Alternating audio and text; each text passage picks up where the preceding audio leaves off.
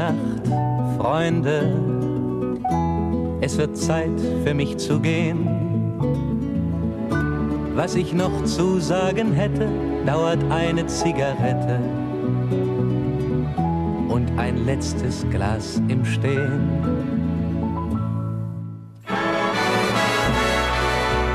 Dit is Het Beste uit het Oog. De wekelijkse podcast van NOS met het oog op morgen. Buiten is het 18 graden. Binnen zit Mieke van der Wij.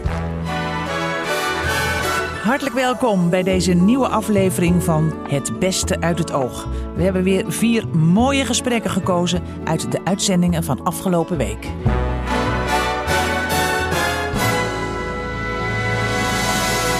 Hebben mensen in de toekomst nog moedervlekken, rimpels, flaporen en andere onvolkomenheden? Of gaan we naar een maatschappij waarin het perfecte lichaam de norm is? Fotografe Annemarieke van Peppe vreest dat het die kant op gaat en legt zich daarom toe op het vastleggen van lichamelijke imperfecties als een soort erfgoed. Bij Joost Vullings legde ze het uit en dat werd voor Joost ook een beetje persoonlijk. Stel, ik neem jou mee naar een plastisch chirurg in LA. Wat zou die aan jou veranderen? Want het, beeld in Amerika gaat net een stapje verder dan wat we hier uh, hebben. Dus ja, wat zou die aan jou veranderen? Zometeen het antwoord van Joost. Shanties, dat zijn liederen die op zeilschepen werden gezongen. Deze kent u vast.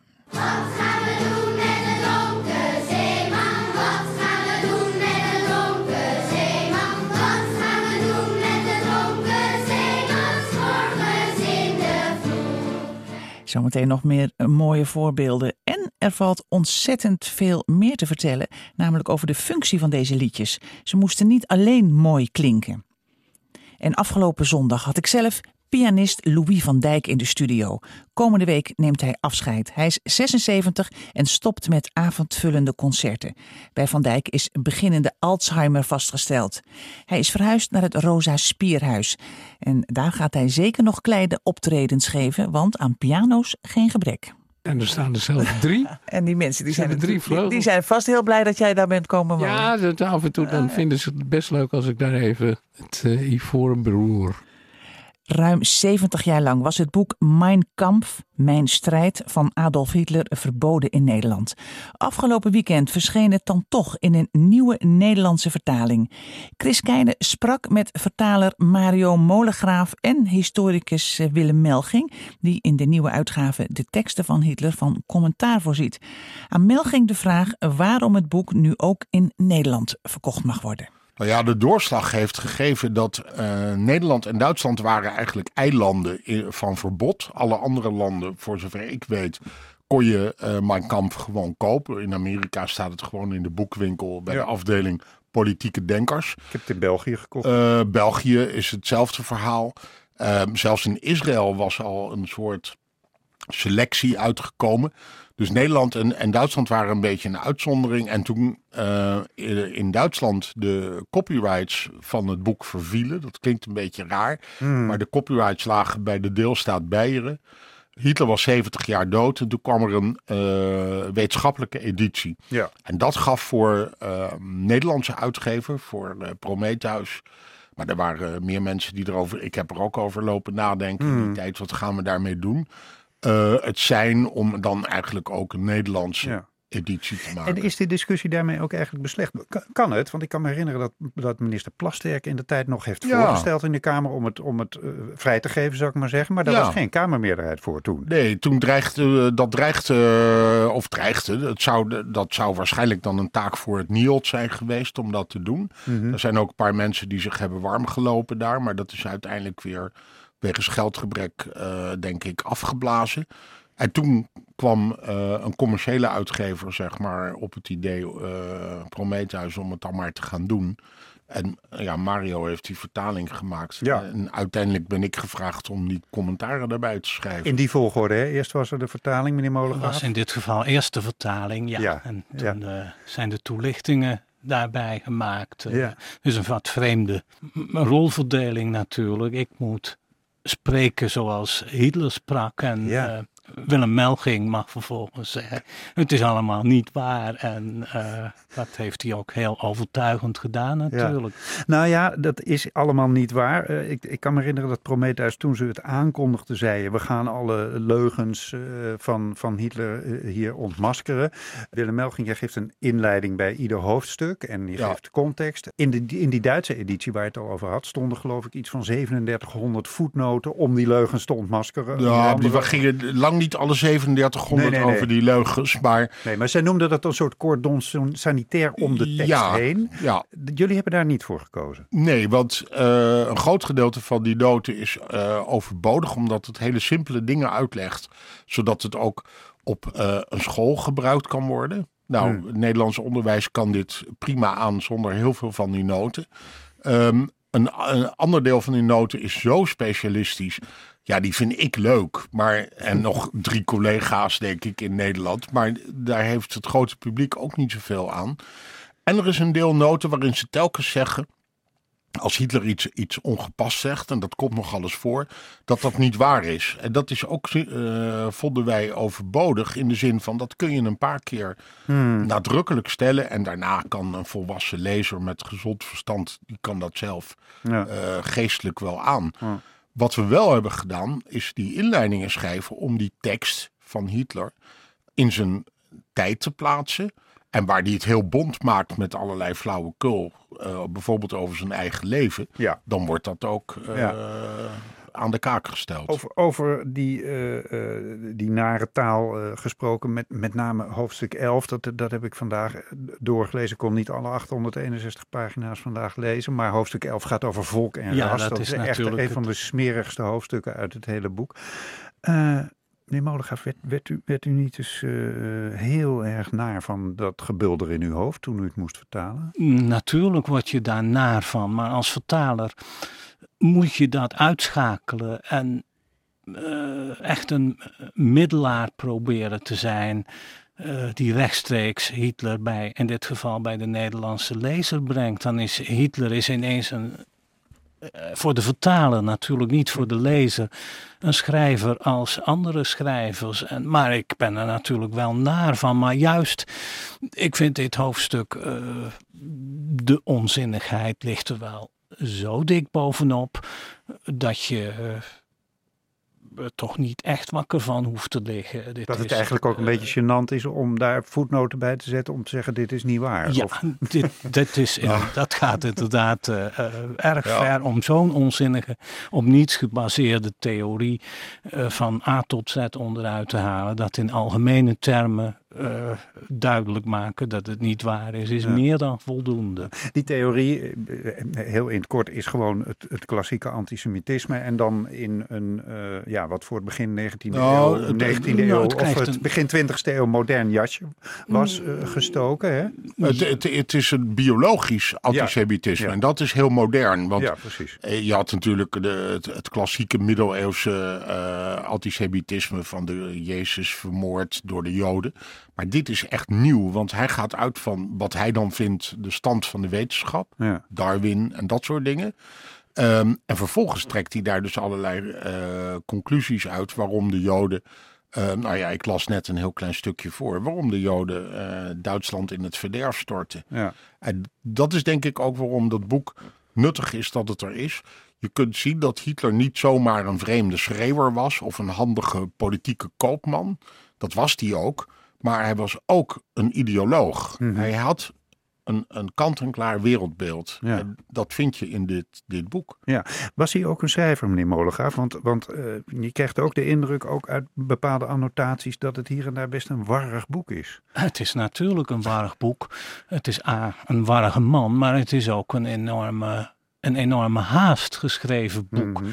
Je uh, merkt dat aan allerlei foutjes, aan foute nummeringen. Maar je merkt het uh, uh, ook aan de, ja, de bijna ademloze stijl soms. heel veel cursief, heel veel vet. ja, hij bewijst bijna dat hij eerder een, een spreker is, wat hij ook later zou gaan bewijzen. Hij gelooft dan, zelf dan niet in de kracht van het geschreven woord, hè? nee, Zegt en daar heeft hij ja. natuurlijk in de wereldliteratuur heeft hij daar ook beroemde medestanders van. Uh, een andere auteur die ik ooit vertaald heb, Plato, is ook iemand die zegt van ik geloof niet in het geschreven woord. Maar daar is het verschil. Plato gelooft in de dialoog, maar Hitler gelooft in de toespraak. En een- Ja. eh, ja, dat is wel een heel veelzeggend verschil natuurlijk. Ja, Maar het zijn wel heel veel bladzijden voor iemand die niet in het gesproken en geschreven woord gelooft. zeker. Maar hij Dat- zei, ik ga hier geen mensen meer overtuigen. Dit is voor, eigenlijk voor partijgenoten die meer willen weten. Zo, zoiets. En, en om de baas te worden in de partij. Ja, even kort tot slot. Eh, dat viel mij heel erg op. Eh, Een vraag aan u allebei, als, als we daar nog de tijd voor hebben. Ik betrapte me erop dat ik bij best veel redeneerden in eerste instantie dacht... hé, hey, daar heeft hij eigenlijk best gelijk in. En dan werd het steeds radicaler. Hadden jullie dat ook? Ja, dat is natuurlijk het venijn, dat is het, het retorische vernuft, waardoor die toch eh, ja, zijn gehoor in de ban weet te krijgen. Zoals die begint met het parlementarisme te bestrijden, dan denk je inderdaad, hé, hey, die mensen zie ik rondlopen. Ja. En dat is het venijnige. Ja. Ja. Ja, nou ja, en en hij, met, met zijn redeneringen lokt hij ons dus zeg maar mee. En uiteindelijk draait het allemaal om dat er een oorlog moet komen. Ja. En dat zijn ook niet voor niks de laatste twee grote hoofdstukken van deel 2. Waarin hij eh, een schets maakt hoe Duitsland de wereldheerschappij gaat eh, veroveren. Willem Melging was dat. Nog doorpraten tot in onze eindtune. Zoveel was er te vertellen. Dat hebben we wel vaker in het oog. Dan hebben we elke seconde nodig. Zo ook in het volgende gesprek. Joost Vullings had dinsdag fotograaf Annemarieke van Peppe in de studio. Zij gaat op het Breda Fotofestival lichamelijke imperfecties vastleggen. Kijk, ik denk, wij, wij leven in een tijd waar enorm ges- ges- gestreefd wordt naar perfectie. Ehm, waar alles mooier moet en heel veel nadruk ligt op dat, op dat uiterlijk vertoon. Ehm, en, en ik denk, ehm, ja, straks is het er niet meer. Dan hebben we een chip waar de telefoon in zit en we zijn strak getrokken. En in het kader van ons erfgoed laat ik, eh, ja, fotografeer ik nog alle kwabben en moedervlekken en rimpels. En eh, nu het nog kan. Doe je dat voor, voor toekomstige generaties die dan helemaal perfect zijn, die dan echt kunnen zeggen: kijk eens man, 150 jaar geleden hadden mensen nog pukkels en Ja. Of, Nee, ja, het, nee het is echt statement- wel. statement voor nee, het is maken? echt wel voor nu. Ik wil gewoon de discussie op gang brengen. Ehm, eh, ik, ik, wil dat, dat, ik wil geen oordeel vellen, maar ik wil wel dat mensen met elkaar ehm, in gesprek gaan of nadenken. Oh, waarom is het nodig? De eerste generatie kinderen met rechte tanden loopt al rond. En niet omdat het moet, maar omdat het kan. Niet omdat ze daar per se beter van gaan eten, eh, maar gewoon omdat het esthetisch meer verantwoord is. En de vraag is, waar ligt de grens? Dat is mijn vraag die ik, Ja. die ik stel en die ik ook stel aan de bezoekers. Aan de andere kant kan je zeggen, eh, in het verleden en ook nu, heel veel mensen lijden onder hun imperfecties. Van, van scheve tanden, flaporen, hangende oogleden. En Ja, maar waarom lijden ze- prachtig dat, dat in deze tijd die Dat dat kan. je zelfvertrouwen vergroot Ja, maar waarom lijden ze eronder? Omdat die druk zo groot is. Met name die maatschappelijke druk. En, en nogmaals, waar is die grens? Ehm, gaan we straks rimpels als onverzorgd zien? Dat weet ik niet, ja. Nou, dat is de vraag. Ik weet het ook niet. Hè? Ik stel gewoon eigenlijk redelijk open de vraag en ik leg het gewoon vast. Ja, maar je hebt er vast een mening over. Eh, ja, maar die is misschien helemaal niet zo belangrijk. Nou, je, ja, je wil er iets mee zeggen, dus... Ja, ik, wil, ik, nou, ik wilde wel mee zeggen dat er heel veel nadruk op, op het uiterlijk ligt. En ik denk ook dat, dat dat ook de reden is dat mensen daar ongelukkig van zijn. En ik, ik denk dat een ieder goed is zoals die is. En dat ik het jammer vind dat dat verandert. Want elk littekentje, elk, elk rimpeltje ehm, maakt wie jij bent. Dat is ook jouw verhaal, toch? Als jij een litteken hebt, is dat ook een verhaal wat je hebt meegemaakt. Ja, En Ja. dat maakt voor mij mensen veel interessanter. goed. Maar hoe kom je aan mensen die zeggen... Ik, ik heb echt ontzettend veel moeite met mijn aardappelneus, maar zet er maar eens even, even nee, zo gaat het niet. Ik doe dit, op. Ja, ik Ja. doe dit op festivals. Dus ik heb het eerder op eh eh Docfeed, documentaire festival in Eindhoven gedaan. En nu eh, op Breda Foto. Daar je is gaat het dus ook... daar live, je kan Ja. dus met je bochel daar naartoe en dan zeggen, maak er Je maar hoeft een helemaal geen bochel Oh, te nee, hebben. Joost. Oh, nee, nee, oh, Wie jammer. weet heb jij ook wel iets of vast wel iets wat ik ook kan, kan vastleggen. Ja, ik bij mij je is het gewoon het hele grote totaal. Gewoon dat ik mezelf Nee, dat is te veel, want het vind. is macrofotografie. Dat gaat niet passen. Nee. Ja, wat, wat, ik, wat ik doe is, je komt naar, naar Breda Foto vanaf morgen open. En eh, je komt naar mijn fotoboot. En eh, dan ga ik jou gewoon vragen: Goh, is er iets waar je niet tevreden over bent, wat je wellicht zou veranderen? En als je dan zegt, nou, er is helemaal niks of er is alles, dan stel ik de volgende vraag. Stel, ik neem jou mee naar een plastisch chirurg in LA. Wat zou die aan jou veranderen? Want het, dat, het, het, eh, het beeld in, in Amerika is weer net wat, wat, gaat net een stapje verder dan wat we hier eh, hebben. Dus ja, wat zou die aan jou veranderen? Ja, ik denk dat, dat ze mijn tanden nog rechter zetten. Ik denk dat ze mijn tanden gaan bleken, denk ik. Dat zou een plasje, of dat, dat is dan hè, een beetje cosmetisch. Ja. Voor de rest denk ik dat die, dat die chirurg zegt, ja, ik ben eigenlijk best wel... Best wel oké. nou, ik ben blij dat je zoveel zelfvertrouwen hebt. Nee, maar dat is ook heel maar ja, fijn. Ja, ja. Maar dus, dan- nou, daar ga ik jou tanden fotograferen. Dat is wat ik ga doen. En dat doe Ja. ik heel landschappelijk. Dus het is echt macro. En je ziet bijna niet meer dat het tanden zijn. Je ziet dan een mooi landschap. Ja. Want stel je voor dat wij die, die, die plastisch chirurg uit L.A., dat wij die op de wereld hadden losgelaten. Dan is er geen Grand Canyon, geen vulkanen. Dan is er niks interessants Ja. om naar te kijken. Maar het grappige is, ik, ik zit, ik zit op de, naar de tatoeage op je arm te Ja. kijken. Dat als je bijvoorbeeld naar, nu naar de huidige generatie kijkt, vooral sporters, hè, want Ja. daarvan zien we natuurlijk meer lichaam dan van andere mensen doorgaans. Dat je dus wel ziet dat die allemaal heel ijdel zijn en misschien streven naar perfectie. Maar aan de andere kant via, dus of wel weer dan op zoek zijn naar een eigenheid via tatoeages. Ja, maar ik denk dat, dat het, heeft ook niks met ijdelheid te maken, wat mij betreft. Wat mij betreft heeft die hele de discussie rond die plastische chirurgie, heeft wat mij betreft veel meer te maken met, met de druk, de maatschappelijke druk. Eh, in het vooronderzoek wat ik ook deed, is als ik mensen ehm, vroeg, zou je dan aan, hier iets aan laten doen? En dat dan mensen zeiden, nou nee. En wat als het nou ehm, eh, vergoed werd door de, door de ziektekosten? Hoe, noem je dat? verzekeraar, ja, de ja. verzekeraar.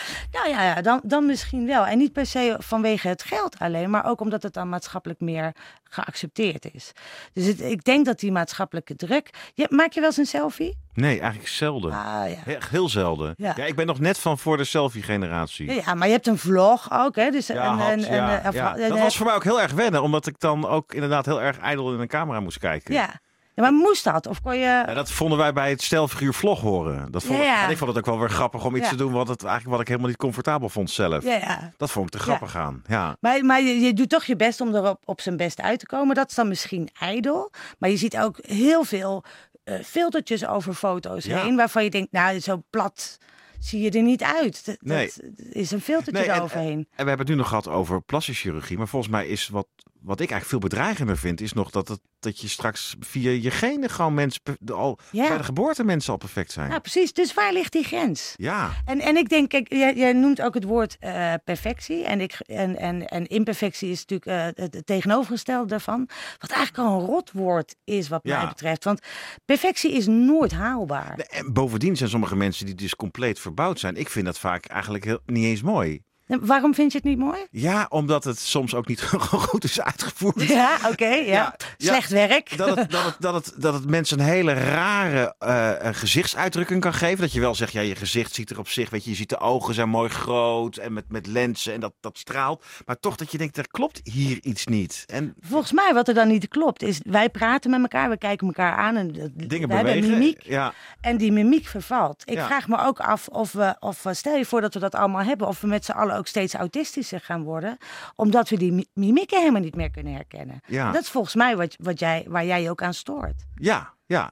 Je stoort je aan de perfectie misschien wel. Ja, nee, precies. Ik bedoel, de lelijkheid van de perfectie. Maar dat is, dat is een De volgende... schoonheid Ja, van de imperfectie. Ja, dus daar kunnen we het dan weer... Ja. Eh, als je die, die foto's maakt van, Ja. van mensen die zeggen... nou, dit vind ik toch... Hè, dit, dit zou ik mooier willen hebben. En, en ze zien die foto. Wat doet dat met die mensen? Soms vinden ze het heel confronterend, omdat het echt gewoon ingezoomd eh, is. Ehm, maar ik zeg altijd voordat ze die foto gaan bekijken, want ze krijgen meteen ook een instax mee. En, en in Breda groeit dan een tentoonstelling van grotere afbeeldingen ook, een selectie.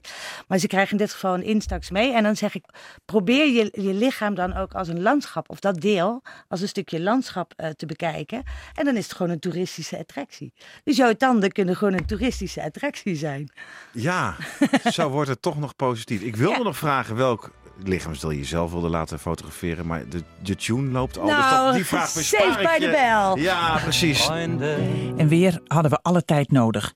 De tune draaien we nu maar even niet helemaal, want we zijn nog niet klaar. We hebben nog meer moois uit de afgelopen week. Donderdag ging het bij Lucella Carrasso over shanties, liedjes die vroeger op zeilschepen werden gezongen. Uiteraard lieten we eerst een paar mooie shanties horen. I went to church and I went to chapel, pull down below. I went to church, I went to chapel, pull down below. Oh, the laddie, pull down below. Oh, the laddie, bonny laddie, pull down below. And on the road I found a saddle, pull down below. I found a saddle with an empty poke, pull down below. Hoog is de zolder, laag is de vloer. Mooi is het meisje, maar lelijk is de moer.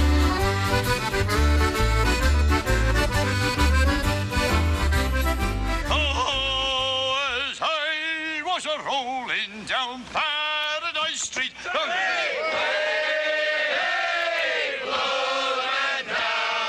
big Irish scuffer I chanced for to be.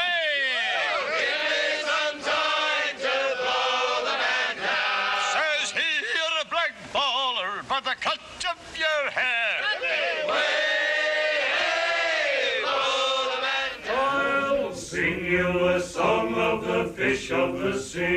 Away and Ja, u hoort hier een aantal eh, shanties voorbij komen, echte zeemansliederen. Morgen start het internationale Shanty Festival in Rotterdam voor de zestiende keer alweer. En eh, Kees Driesprong is hier, bestuurslid van Shanty Nederland. Hartelijk welkom. Dank u wel. Ja. Ja, ik zei al, zeemansliederen. Hoe, hoe oud zijn de liederen die we hier horen? Wat we hier horen, dat zijn toch wel liederen... die hebben we geselecteerd een beetje. Die zijn toch wel 200 jaar oud ongeveer. Dus eh, allemaal traditionele zeemansliederen. En waar, waar gaan ze zo al over, wat we hier hoorden bijvoorbeeld? Alle zeemansliederen gaan wel over de verhalen natuurlijk die ze meemaakten onderweg. Hè. Het was natuurlijk eh, het lief en leed aan boord. Het waren toch ook wel de heimwee naar de vrouwen. Het was ook wel ehm, de belevenissen aan de wal. Maar eigenlijk waren ze allemaal bedoeld om het werk te ondersteunen aan boord van die schepen. Het is natuurlijk wel zo dat eh, je had toen geen elektriciteit, je had geen hydrauliek. Alle krachten die ze moesten doen, moest allemaal met de hand gebeuren. En dat waren heel veel activiteiten. Zeilijzen, de, de biels leegpompen, het anker hieuwen... de, de schoten en de vallen strak zetten... eh, eh, het dekboenen. De, de, de meeste werkzaamheden aan boord werden allemaal ondersteund door muziek. En, en hielp dat dan? Gingen ze daar eh, beter van werken of deden ze het allemaal mooi synchroon? Of wat, wat was de functie? De functie Behalve- was er juist voor dat ze sneller gingen varen. Want de shantyman, dat was een hele belangrijke... dat was de voorzanger, zeg maar. Dat hoor je ook in dit soort eh, liederen. Je hoort natuurlijk iemand zingen...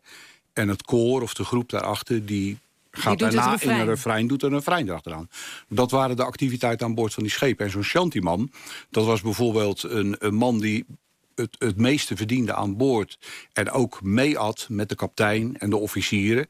En eigenlijk eh, ondergeschikt was eh, eh, aan de officieren en aan de kaptein. En niet met de bemanning zich bezighield. Ja, maar hij, hij zong dus wel. En, en als, als dat koor dan meeging, werden die zeilen dan inderdaad sneller gehezen? Zeker, ja, dat is echt zo. Want er waren natuurlijk zeilwisselingen. Bijvoorbeeld als ze naar de Indies gingen, Oost-Indië... dan moesten ze natuurlijk door de Evenaar... en dan had je de windstiltegebieden. En dan moesten de zwaarweerzeilen eraf... en dan moesten de lichtweerzeilen er weer op. En dat waren soms eh, ja, drie masten, dat waren soms wel 60 zeilen. Er waren zeilen bij van 1000 kilo. En dat moest allemaal door spierkracht moest dat gebeuren. Armstrong's patent, de spierkracht van de mensen. En, en ik begrijp dat, er ook, eh, dat de liederen ook verschillende structuren hebben. Dus dat je een lied voor zeilen hijsen... dat dat een andere structuur heeft dan bijvoorbeeld als je aan het pompen bent. Je kan, je kan je voorstellen als je een klein zeil hijst... en je moet dat strak zetten, dat zijn de korte haalliederen. Dat, dat zijn echt- Na, Of niet? Nee, dan, krijg je de, korte, de kortere ritmes. Als je natuurlijk een anker omhoog moet lopen... en zo'n anker staat misschien een 80 meter eh, ketting... En, eh, of, of lijnen toen in die tijd. En je moet zo'n anker omhoog lopen. Dan liepen ze aan die kaapstander of aan, aan, de, aan de, de, de capstan. En dan liepen ze daar in de ronde met soms wel 32 man.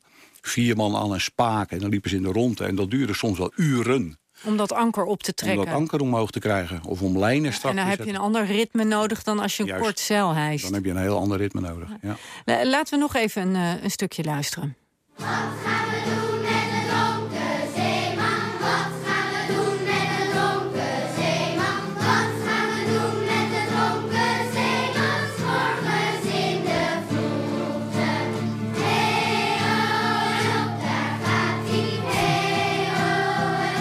Denk dat echt iedere luisteraar kan deze vast meezingen. Of kent hem in ieder geval. Hè? Zeker, en toch is het een- liedje geworden. Dit is eh, The Drunken Sailor. Hè, Ja. de- dan in het Nederlands gezongen door het eerste Shanty jeugdkoor in Nederland. De Rotterdamse Scheepsmaatjes.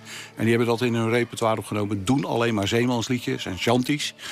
En die dronken sailor, of die dronken zeeman zoals hun het dan vertaalden in het Nederlands.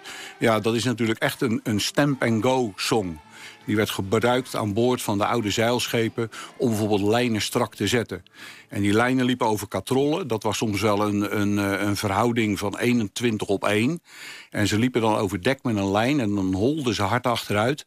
En ja, om een, een lijn dan 30 centimeter te hijsen... dan moest je 6 meter naar achteren lopen om dat, dat, dat strak te zetten. Dus dat waren de stamp-and-go songs. En dat is de Drunken Sailor. Heel bekend. De Dubliners hebben hem eh, bekendgemaakt in Nederland. Maar het was een traditioneel zang. Ja, en, en Engelstalig, hè? Zijn, er, zijn er veel Nederlandstalige shanties? De- als je echt de traditionele shanties gaat bekijken... dan hebben we er misschien 16 tot 20 maar. In ieder geval in de overlevering. In de overlevering. Hè. Eh, Scheurleer, eh, dat is een boek waar bijvoorbeeld heel veel aan staat uit 1680. Hoe het zeemansleven eraan toe was en wat, eh, de zeeman in die tijd deed. Maar er zijn natuurlijk andere boeken ook waar heel veel eh, nog gegevens in staan van de oude shanties. Maar shanty was natuurlijk in die tijd een heel internationaal gebeuren. Nederland, Vanwege de bemanning ook, die heel internationaal We hadden was. natuurlijk aan boord van de VOC-schepen was een hele gemeleerde bemanning. De 30% was maar Nederlanders en de rest van de bemanning waren buitenlanders. Dat waren, creëerden ook samen dat soort liederen... die ook weer veranderden, neem ik aan, in de tijd. nou ja, eh, What Shall We Do With The Drunken Sailor is natuurlijk, laten we zeggen, de nette versie. Oh want, ja? want er zijn natuurlijk versies bekend. What shall we do with the Virgin Mary? En er zijn natuurlijk, u kunt zich voorstellen dat aan boord van die schepen er heel veel eh, dubbelzinnige of een beetje, we mogen wel zeggen, wat, wat schunnigere versies waren van het zeemansrepertoire, zoals dat heden ten dagen gebracht wordt. Nou, U, u maakt zich sterk voor Shanti als immaterieel erfgoed. Wa- Waarom vindt u dat zo belangrijk? Eh, wij vinden dat heel belangrijk, omdat ehm, je, je hebt hier in Hilversum heb je het archief van beeld en geluid. En als ik u ga vertellen dat daar opgeslagen zit alle heiliedjes, wist u dat? Het heien, wat vroeger gebeurde in Rotterdam met houten palen en in Amsterdam... alle eh, huizen zijn onderheid daar met houten palen. Daar waren liedjes bij, want ze hadden toen ook geen stroom. En ze hadden ook geen hydrauliek. En die blokken die werden met de hand omhoog gehesen. Niemand weet het meer, omdat niemand zich druk heeft gemaakt... om dat soort cultureel erfgoed in stand te houden. En vandaar omdat we zo ongelooflijk blij zijn dat eh, een zaterdag... dat eh, de, de handtekeningen gezet worden voor de bijschrijving... op de immaterieel cultureel erfgoedlijst van Nederland. Dat was Kees Driesprong, bestuurslid van Shanti Nederland. Tot slot pianist Louis van Dijk. Zijn afscheidsconcert is komende week. Hij stopt met grote concerten. 76 jaar is hij en bij hem is Alzheimer vastgesteld. En zondag was hij bij mij te gast. En ook hier begonnen we natuurlijk met muziek. Laten we een klein stukje van horen. Je staat voor mij nog steeds op een wegstervend perron. Omdat God ons gebedje niet verhoorde.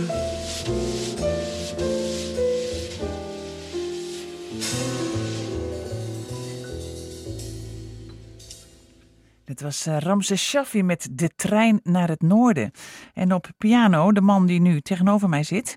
Goedenavond, Louis van Dijk. Goedenavond. Ja, je kwam binnen en je zei, oh, wat speelt dat trio mooi. Kan je je nog herinneren dat deze opname werd gemaakt? Ja, ja, ja. Het was eh, diep in de nacht. Onder eh, eh, leiding van de, de wonderlijke, maar toch wel heel grappige producer Gerrit en Braber. Ja. Die het altijd over bruikbare krachten had.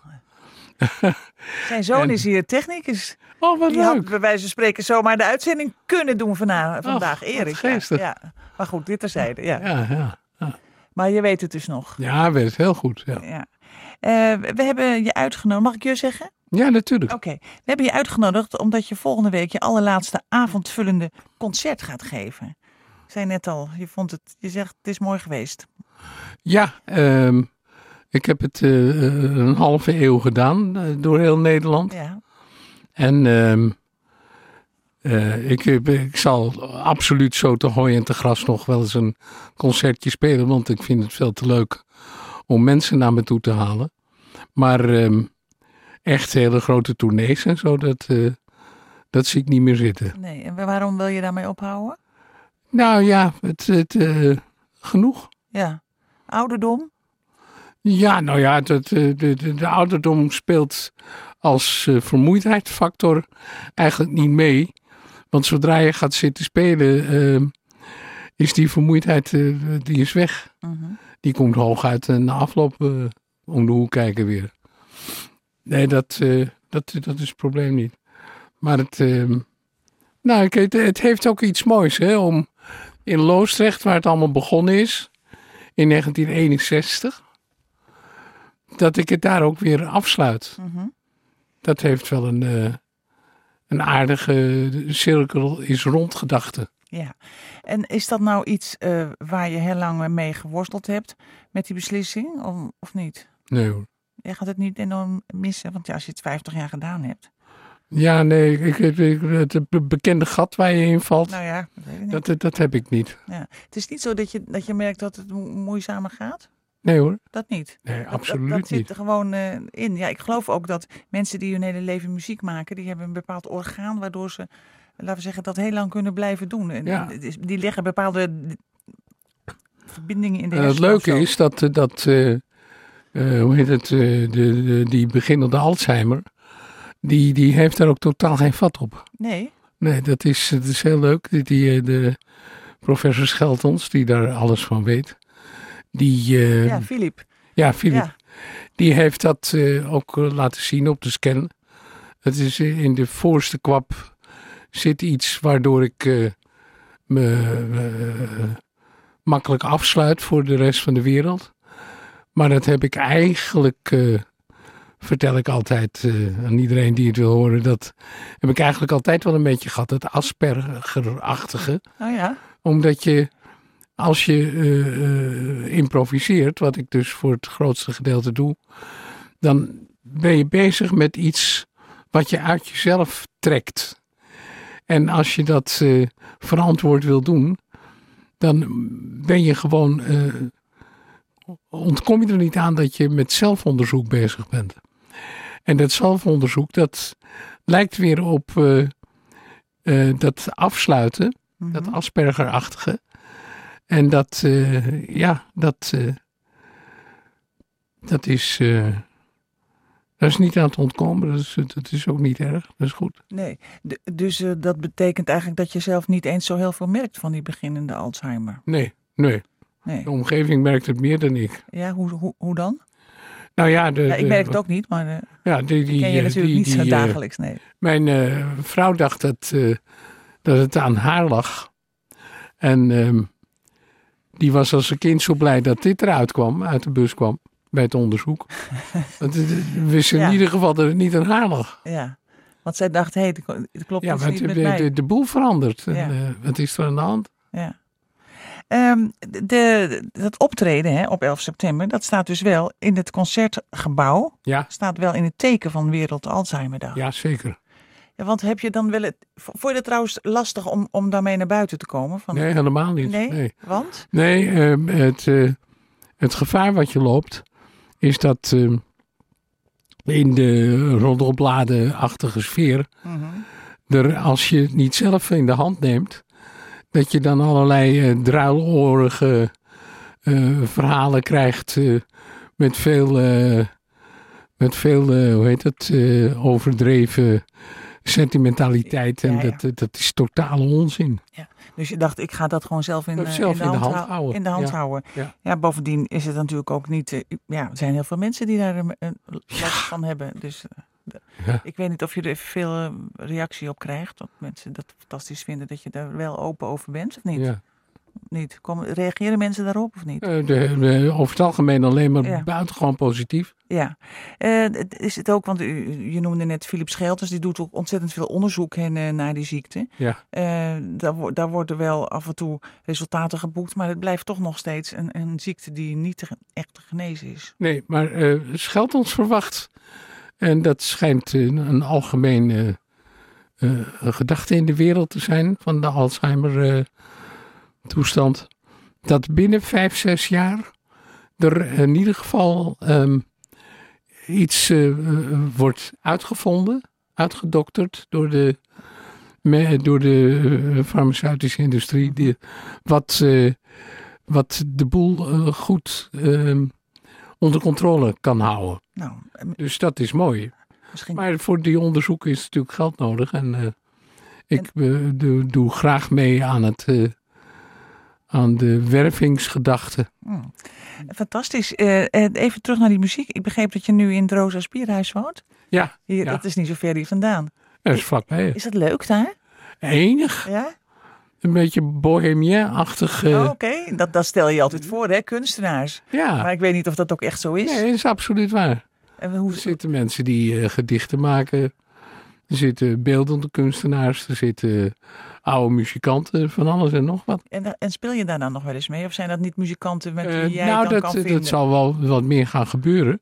Concerten Want, stel ik eh, Mijn goede vriend eh, Dick Bakker, die het eh Metropoolorkest eh, jarenlang onder zijn hoede heeft gehad. Ja. Is maar gelukkig ook, anders had het niet meer bestaan. En die, eh, die vond het ook zo leuk om te horen dat ik daar naartoe ging. Dat die eh, heeft zich ook alweer opgeworpen als organisator van eh, allerlei muzikale evenementen daar. Oh. Dus dat is hartstikke leuk. Ja, dat lijkt me, dat lijkt me zeker leuk. En lu- luister je dan nog steeds veel naar muziek? Ehm, wel minder dan vroeger. Ik, er zijn van die dingen die, waar ik af en toe gewoon echt behoefte aan heb. Zoals? Dus je moet, eh, ik kan niet zonder Bach. Moet af en toe bijvoeden met Bach. Geen dag zonder Bach? En, En eh, wat dan van Bach? Want hij heeft zoveel... nou ja, dat, dat maakt eh, geen bal uit. Nee. Omdat eh, als Bach schrijft eh, voor, de, voor de kerk, zou ik maar zeggen, religieuze muziek. Dan schrijft hij eigenlijk in principe niet anders dan dat hij een vioolconcert eh, schrijft. Nee. Het gaat mij om de, om de eh, specifieke ontroering die hij teweeg brengt door de krankzinnige, eh,